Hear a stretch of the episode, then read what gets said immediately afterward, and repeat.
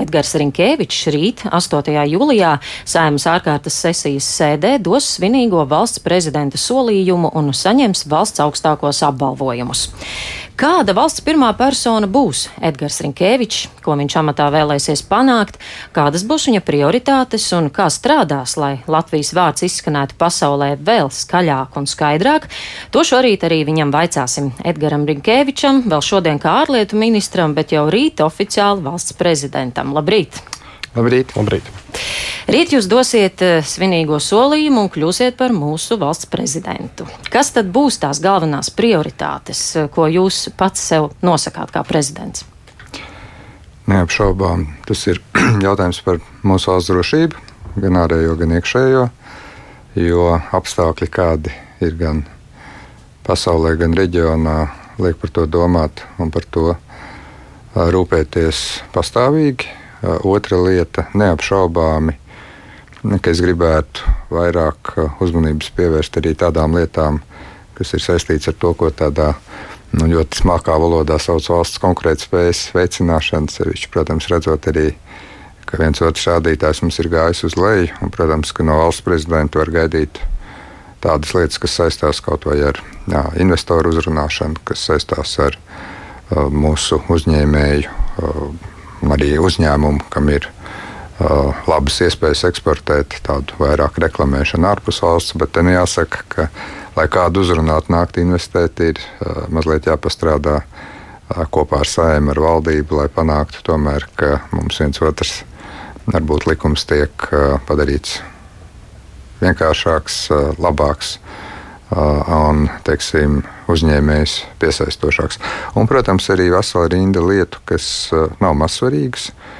Kas ir saistīts nu, teiksim, tādā plašākā lomā nu, ar tādu demokrātijas un likuma varas un cilvēktiesību stiprināšanu, jo bieži vien prezidenta institūcija ir tā, kurai tomēr ir jārēģē un jāsaka, ka redz, ka kaut kas nav labi gan sabiedrībā, gan varbūt arī varas iestādēs, vai tā būtu žurnālistu brīvība, vai tie būtu cilvēktiesību standarti, vai vienotreiz arī nu, mums nācās jau faktiski diezgan daudz diskutēt par to pašu traģēdiju Jēkabīlī, kad tika nogalināta sieviete nu, par tādām lietām, kur tu redzi, ka ne visas valsts varas iestādes ir rūpējušās par savu tiešo pienākumu izpildi. Jā, nu tad tie ir tie mērķi, ko esat nospraudis, bet nu, minējāt arī drošību, konkurētspēju starp tiem. Esat arī nospraudis varbūt kādus konkrētus rādītājus, nu tajā pašā konkurētspējā būt augstāk par, nezinu, Lietuvu vai Igauniju drošības jautājumā IKP aizsardzībai. Nu, kādus konkrētus mm. varbūt rādītājus? Ziniet, būsim piesardzīgi drošības jomā runāt par kādiem konkrētiem rādītājiem. Mēs esam apņēmušies aizsardzībai atvēlēt 3% 2027. gadā. Faktiski lielā mērā Baltijas valsts un Polija šai ziņā iet roku rokā. Uh, bet uh, šis nav tas labākais rādītājs. Labākais rādītājs ir, kā tos līdzekļus ir milzīgi investēt. Un te nu mums ir ļoti daudz ko darīt pretgaisa aizsardzības, krasta aizsardzības stiprināšanā, teiksim, arī mūsu sabiedroto Un pavisam drīz būs NATO viņas samits. Tur būs atkal konkrēti lēmumi par aizsardzības plāniem. Tātad eh, daļa no šiem plāniem paredz plašāku sabiedroto klātbūtni Latvijā. Tam ir vajadzīga infrastruktūra. Tās nav. Tas ir tas uh, sēlijas poligons. Iekšējā drošība īstenībā mums, diemžēl, ir radusies ļoti liela plaisa starp to, cik mēs esam labi attīstījuši aizsardzības jomu. Protams, vienmēr ir kaut kādas lietas, kur ir jādara vairāk ar to, kas notiek piemēram ar austrumu robežu, kas notiek ar nu, to pašu finansējumu iekšlietu sistēmai. Šis gads laikam ir pirmais, kurā tīri tehniskai attīstībai iekšlietu ministri ir saņēmusi papildus līdzekļus, bet nu, tas ir tikai ceļa sākums. Tā kā ar tiem konkrētiem rādītājiem es būtu ļoti, ļoti piesardzīgs. Vienmēr var mēģināt uzlikt kaut kādus sevišķi drošības ziņā rādītājus cipariski, bet realitātē mums ir jāattīst spējas un jāizdara viss, lai tiešām nu, mums nebūtu kaut kādā brīdī situācijas, kas ir tūs tai, ko piedzīvo Ukraina. Jūs ilgus gadus noteicāt Latvijas ārpolitikas eh, kursu, un tagad eh, stājoties prezidenta amatā, kas būs tas, uz ko ārpolitiski vēlaties likt uzsvarus? Es domāju, ka būtu laikam grūti sagaidīt, ka tagad es nākšu ar kādām radikāli pretējām idejām tam, ko, tam, ko es esmu darījis te jau 12 gadus.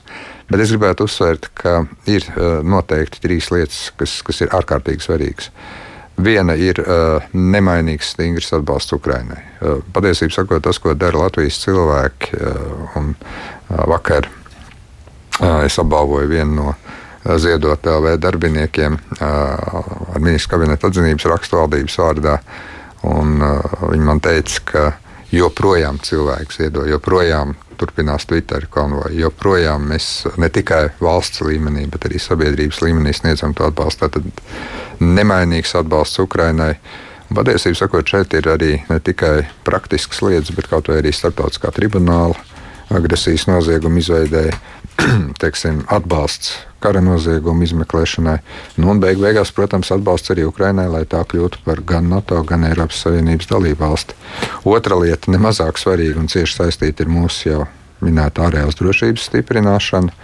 Bet es arī, protams, gribētu redzēt uh, tādu plašāku uh, reģionālu sadarbību, kur es jau redzu, ka Baltijas valsts kaut kur sāk spēlēt tādu zināmu unikālu lomu, un Latvija noteikti to varētu atbalstīt, ir tā saikne starp Ziemeļvalstīm un centrālās Eiropas valstīm. Piemēram, tajā brīdī, kad Zviedrija kļūs par NATO dalību valsti, pēc būtības mēs kādreiz smiejamies, ka Baltijas jūra kļūs gandrīz par iekšēju NATO jūru. Ir viena valsts, kura gan nav NATO, zinām, kur tā ir Krievija, bet principā šajā brīdī teiksim, centrālās Eiropas un Ziemeļvalstu sadarbība gan drošības, gan enerģētikas, gan informācijas tehnoloģiju, gan transporta jomā nu, varētu veidot zināmu tādu ļoti spēcīgu reģionu, gan Eiropēskā izpratnē, gan arī es teiktu drošības izpratnē. Nu, jūs minējāt, eh, atbalsts Ukrainai ir viens no ļoti svarīgiem eh, punktiem. Nākamnedēļ Viņā būs NATO samits. Kāda ir jūsu nostāja? Vai Ukraina jau tagad Viņā būtu nu, jāaicina eh, NATO, vai tomēr tas ir sasteigti? Redziet, tas vienkārši nenotiks. Te mēs varam daudz diskutēt, bet ir skaidrs, ka NATO dalību valstu starpā nav vienprātības. Faktiski to, ka tāda vienprātība nav, tas bija skaidrs jau agrā pavasarī. Mēs diezgan daudz runājām un diskutējām ar Ukraiņas kolēģiem. Uh, un patiesībā sakot, vienā brīdī uh, Ukraiņas pārstāvja teica, labi, mēs saprotam, tur ir dažāda veida diskusijas, bet tas, kas mums ir ļoti svarīgi, ka munīcijas, ekipējuma, bruņojuma apjoms Ukraiņas bruņotajiem spēkiem tiek palielināts, ka piegādes tiek palielinātas. Un, nu, es teiktu, ka šobrīd mēs kopā ar vairākām līdzīgi domājošām valstīm NATO ietvaros darām visu, lai viņas samita lēmumi būtu maksimāli tuvi tam, kas ir, nu, teiksim, Ukrainai labvēlīgais iespējamais scenārijs. Negluži uzaicināt šo valstu pievienoties NATO, bet vismaz uh, rast tādu nu, skaidrāku vīziju, ceļa karti, plānu, vienalga, kā mēs to saucam, kas būtu darāms. Uh, lai šī valsts, lai Ukraina pievienotos aliansē. Te gan jāsaka, ka šobrīd valdošais noskaņojums uh, aliansē ir diezgan skaidrs, ka uh, principā par to vispār varētu runāt brīdī, kad uh, kara darbība beigsies. Um, tas ir, uh, tas ir šobrīd teiksim, daudzu valstu pārstāvu viedoklis. Bet es domāju, ka sagaidīsim to, ar ko beigsies NATO samits, jo nākamais NATO samits būs pavisam drīz. Tas ir 2024. gada aprīlis, tas ir 75 gadu jubilejas samits Vašingtonā. Un pa to laiku daudz kas var izdarīt. Mūsu uzdevums ir turpināt atbalstīt politisku un diplomātisku Ukrainu, lai tas brīdis, kad tā iestājās aliansē, būtu tuvāks nekā tālāks. Bet nu, šobrīd no viņas gaidīt brīnumu es nedomāju, mēs varam. Ceram, ka vismaz uz nākamo NATO samitu nākamgad tā ģeopolitiskā situācija jau būs kļuvusi labvēlīgāka. Bet nu, mēs vairāk par iekšpolitiku parunāsim. Runājot par uh, mūsu pašu valdībā notiekošo, premjerministrs Krišāns Kariņš uh, tikšot uh, skaidrībā ar koalīcijas paplašināšanu līdz augusta vidum. Kā jūs raugāties uz šo sarunu gaitu un norisi, vai tur viss neievalkas pārāk? Redziet, valdība šobrīd strādā. Valdība nav nekādā veidā politiski kritusi. Tas, ka notiek diskusijas par darāmiem darbiem un to, kas ir jāveic, tas, manuprāt, ir pozitīvi. Es kategoriski nevaru piekrist tam argumentam, ka kādam ministram ir sajūta, ka viņš sēž uz čemodāniem. Nu, ja kāds ministrs uzskata, ka viņam nekas nav jādara tikai tāpēc, ka notiek kaut kādas koalīcijas sarunas, tad tas nav pareizi. Drīzāk es teiktu, ka mēs ļoti labi zinām uh, tos daudzos darāmos darbus. Tā nu ir sanācis, ka 15. augusts, ja man atmiņa neviļ, ir termiņš ļoti daudziem būtiskiem uh, dokumentiem, kas pēc tam ir jādiskutē valdībā. Veselība, Tātad uh, to, kādā veidā tiks attīstīta mūsu veselības sistēma, skolu tīkls, nodokļu pamatnostādnes. Faktiski uz to augusta vidu sanāk ārkārtīgi daudz nopietnu jau tagad nospraust uzdevumu, kur valdībai jāsāk diskusija par konkrētiem darbiem. Ja paralēli šīs diskusijas starp gan pozīcijā, gan opozīcijā esošām partijām un skaidrība, kas tad ir tās lietas, kas ir jāpadara, var sakrist gan laikā, gan tāpā ļoti labi. Bet, manuprāt, eh, pašlaik eh, es sagaidu, ka ministru kabinets eh, turpinās darboties tādā pašā režīmā kā līdz šim, neatliekot jautājumus. Jo, kā jau teicu, valdība strādā, ar ko beigsies šīs sarunas, nu, tas nu, tagad ir pašām partijām un sarunās iesaistītajiem jāizlemj. Bet nu, neaizmirsīsim, ka tiešām augusts, augusta otrā puse ir pēdējais brīdis, kad viest skaidrību tā vienkāršā iemesla dēļ, ka mēs arī visi gaidām nākamā gada budžetu. Tur jau arī nevar vairs kavēties. Tad jūs redzat, ka valdība varētu turpināt strādāt tieši šādā apjomā, šādā sastāvā arī turpmāk? Lai valdība pati un partijas šobrīd izrunājās, vai tās var vai nevar turpināt strādāt, lai varbūt vienojās skaidrāk par darāmiem darbiem, ja viņi var vienoties par šiem darbiem un sākt arī tos īstenot. Ne tikai varbūt uh, deklaratīvi paziņot, ka atkal mēs kaut ko darīsim, bet tad beigās atkal sākās strīdi, kā mēs to darīsim un kāpēc varbūt kaut ko nedarīt. Vai arī, ja teiksim, ir iespēja atrast kādu citu modeli, tad tādā gadījumā tad ir jautājums, kā šis process attīstīsies. Katrā gadījumā es netaisos šajā procesā nekādā veidā līdz augusta otrai pusē beigām aktīvi iesaistīties. Šis nu šobrīd ir politiķu un partiju absolūts jautājums. Es ceru, ka tiks atrasts labākais valsts attīstības modelis un tāds valdības modelis, kas tiešām nu, dos arī tādu zināmu stimulu mums valstī tālāk attīstīties. Jūs būtu gatavs paust atbalstu jebkādam koalīcijas sastāvam, par ko beigu beigās vienosies, jo iepriekš Levitam bija principiālāka nostāja, piemēram, uz ZZS valdības sastāvā. Jā, tas nonāks līdz tam brīdim. Un, ja, teiksim, būs kaut kādas politiskās konsultācijas, kurās ir nepieciešams valsts prezidenta arī kaut kāda veida aktīvas rīcības un iesaistas. Nu, parasti tās notiek tikai tad, ja valdība krīt. Ļoti reti tās notiek kaut kādā nu, brīdī, kad uh, valdība, kurai ir saimnes uh, uzticība, turpina strādāt, tad uh, es aktīvi konsultēšos ar partijām.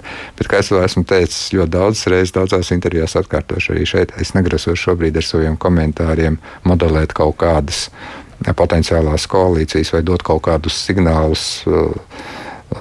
Teiksim, sarkanā, dzeltenā vai zaļā krāsā, uh, vai kādā citā krāsā, mm, kas būtu tas labākais, ko darīt. Šis šobrīd principiāli tomēr ir jautājums tām partijām, kuras diskutē savā starpā.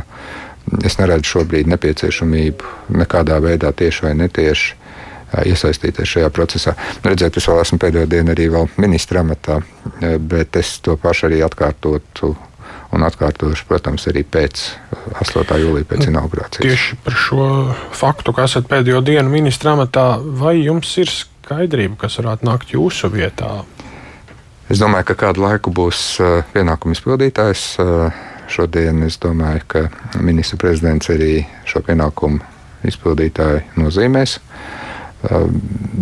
Kā es esmu teicis, gan publiski, gan arī kolēģiem. Es redzu vairākus labus kandidātus ārlietu ministra amatam, gan teiksim, šobrīd pie varas esošajās partijās, gan arī pie varas nesošās partijās, opozīcijā. Bet tā būtu ministra prezidenta izšķiršanās, un tad šim cilvēkam ir jāsaņem saimnes uzticība. Es domāju, tas varētu prasīt kādu laiku. Varbūt tā labā sakritība ir tā, ka ārlietu ministrijā ir ļoti spēcīgs diplomātskais dienests, un tas ar lietām tiks uh, galā. Tie, tās dažas nedēļas šobrīd faktiski startautiski ir tāds klusāks brīdis no jūlija viduma līdz augusta vidum. Ja kaut kas ārkārtējs nenotiek, tad tomēr tā startautiskā dzīve nedaudz pieklust. Pēc cik ātri mums vajadzētu tikt skaidrībā par jauno ārlietu ministru? Kā jūs redzat? Ziniet, lai cik tas varbūt ironiski neskanētu, tas pats augusta vidus pats augusta. ir, ir, ir laikam tas Šajā brīdis, mierīgajā kurā, periodā, kurā, kurā jātiek skaidrībā. Jā. Mm -hmm. Un uh, tad. Uh, Man gribētu vēl tādu noslēgumā, varbūt nu, vispārīgāku jautājumu, vai prezidenta darbā ir svarīgi, lai jūs atbalsta arī pēc iespējas lielāka sabiedrības daļa? Protams. Tā vienkāršā iemesla dēļ, ka ja politiķi jūt, ka valsts prezidentam ir lielāks sabiedrības atbalsts, protams, ieklausās vairāk ne tikai tāpēc, ka ir kaut kāds noteikts konstitucionāls rāmis, kurā ir jāieklausās. Saskaņā ar satversmi var jau atdot likumu otrreizēji caurlūkošanai, bet lielā mērā, ja tu tiešām prasi otrreizēji caurlūkošanu, tev ir jāpanāk lai arī tas notiek. Vai arī, ja tu vērsies ar likumdošanas iniciatīvu, tad atkal rezultāts ir tas, ka nevis tiek aizsūtīts dokuments uz saimu, un tur viņš kaut kur teiksim, pazūd kādā diskusiju procesā, bet tas tiek arī atbalstīts. Jā, es domāju, ka tam ir būtiska nozīme, bet uh, ir arī skaidrs, ka uh, mums ir diezgan uh, tomēr daudzos jautājumos dažādi domājoša sabiedrība. Un, protams, ka uh, daudz un dažādu partiju pārstāvji skatās protams, primāri uz to, ko domā viņu konkrētais vēlētājs vai iespējams potenciālais vēlētājs. Tā kā nemaz tik vienkārši to sabiedrības atbalstu sociālo mediju laikmetā iegūt nevar. Agrāk, Bet jūs centīsieties? Nu, kurš tad politiķis vai, vai kurš, teiksim, prezidents necenšas iegūt maksimālu atbalstu un maksimāli cenšas ieklausīties, protams, arī sabiedrības viedoklī, bet, kā es teicu, Dažreiz tā situācija ir tāda, ka tie viedokļi var būt tik ļoti dažādi un polarizējoši, ka tev tā vai citādi ir jāizšķirās par to vai citu pozīciju. Ne visiem tā var būt patīkami. Tas, protams, arī ir tas, ar ko jārēķinās jebkuram cilvēkam, jebkurā atbildīgā matā. Jums jau skaidrs, pirmā valsts vizīte, kur būs, vai tas vēl nav skaidrs? Jā, tas ir jau pilnīgi skaidrs. Tā ir arī apstiprināta un jau ir iekļauta prezidenta dienas kārtībā. Tas ir 10. jūlijas, tūlīt pēc dziesmu svētkiem, un tā ir Igaunija. Tradicionāli. Paldies par sarunu šajā rītā, teiksim, nu vēl ārlietu ministram, bet jau rīt Latvijas valsts prezidentam Edgaram Rinkēvičam.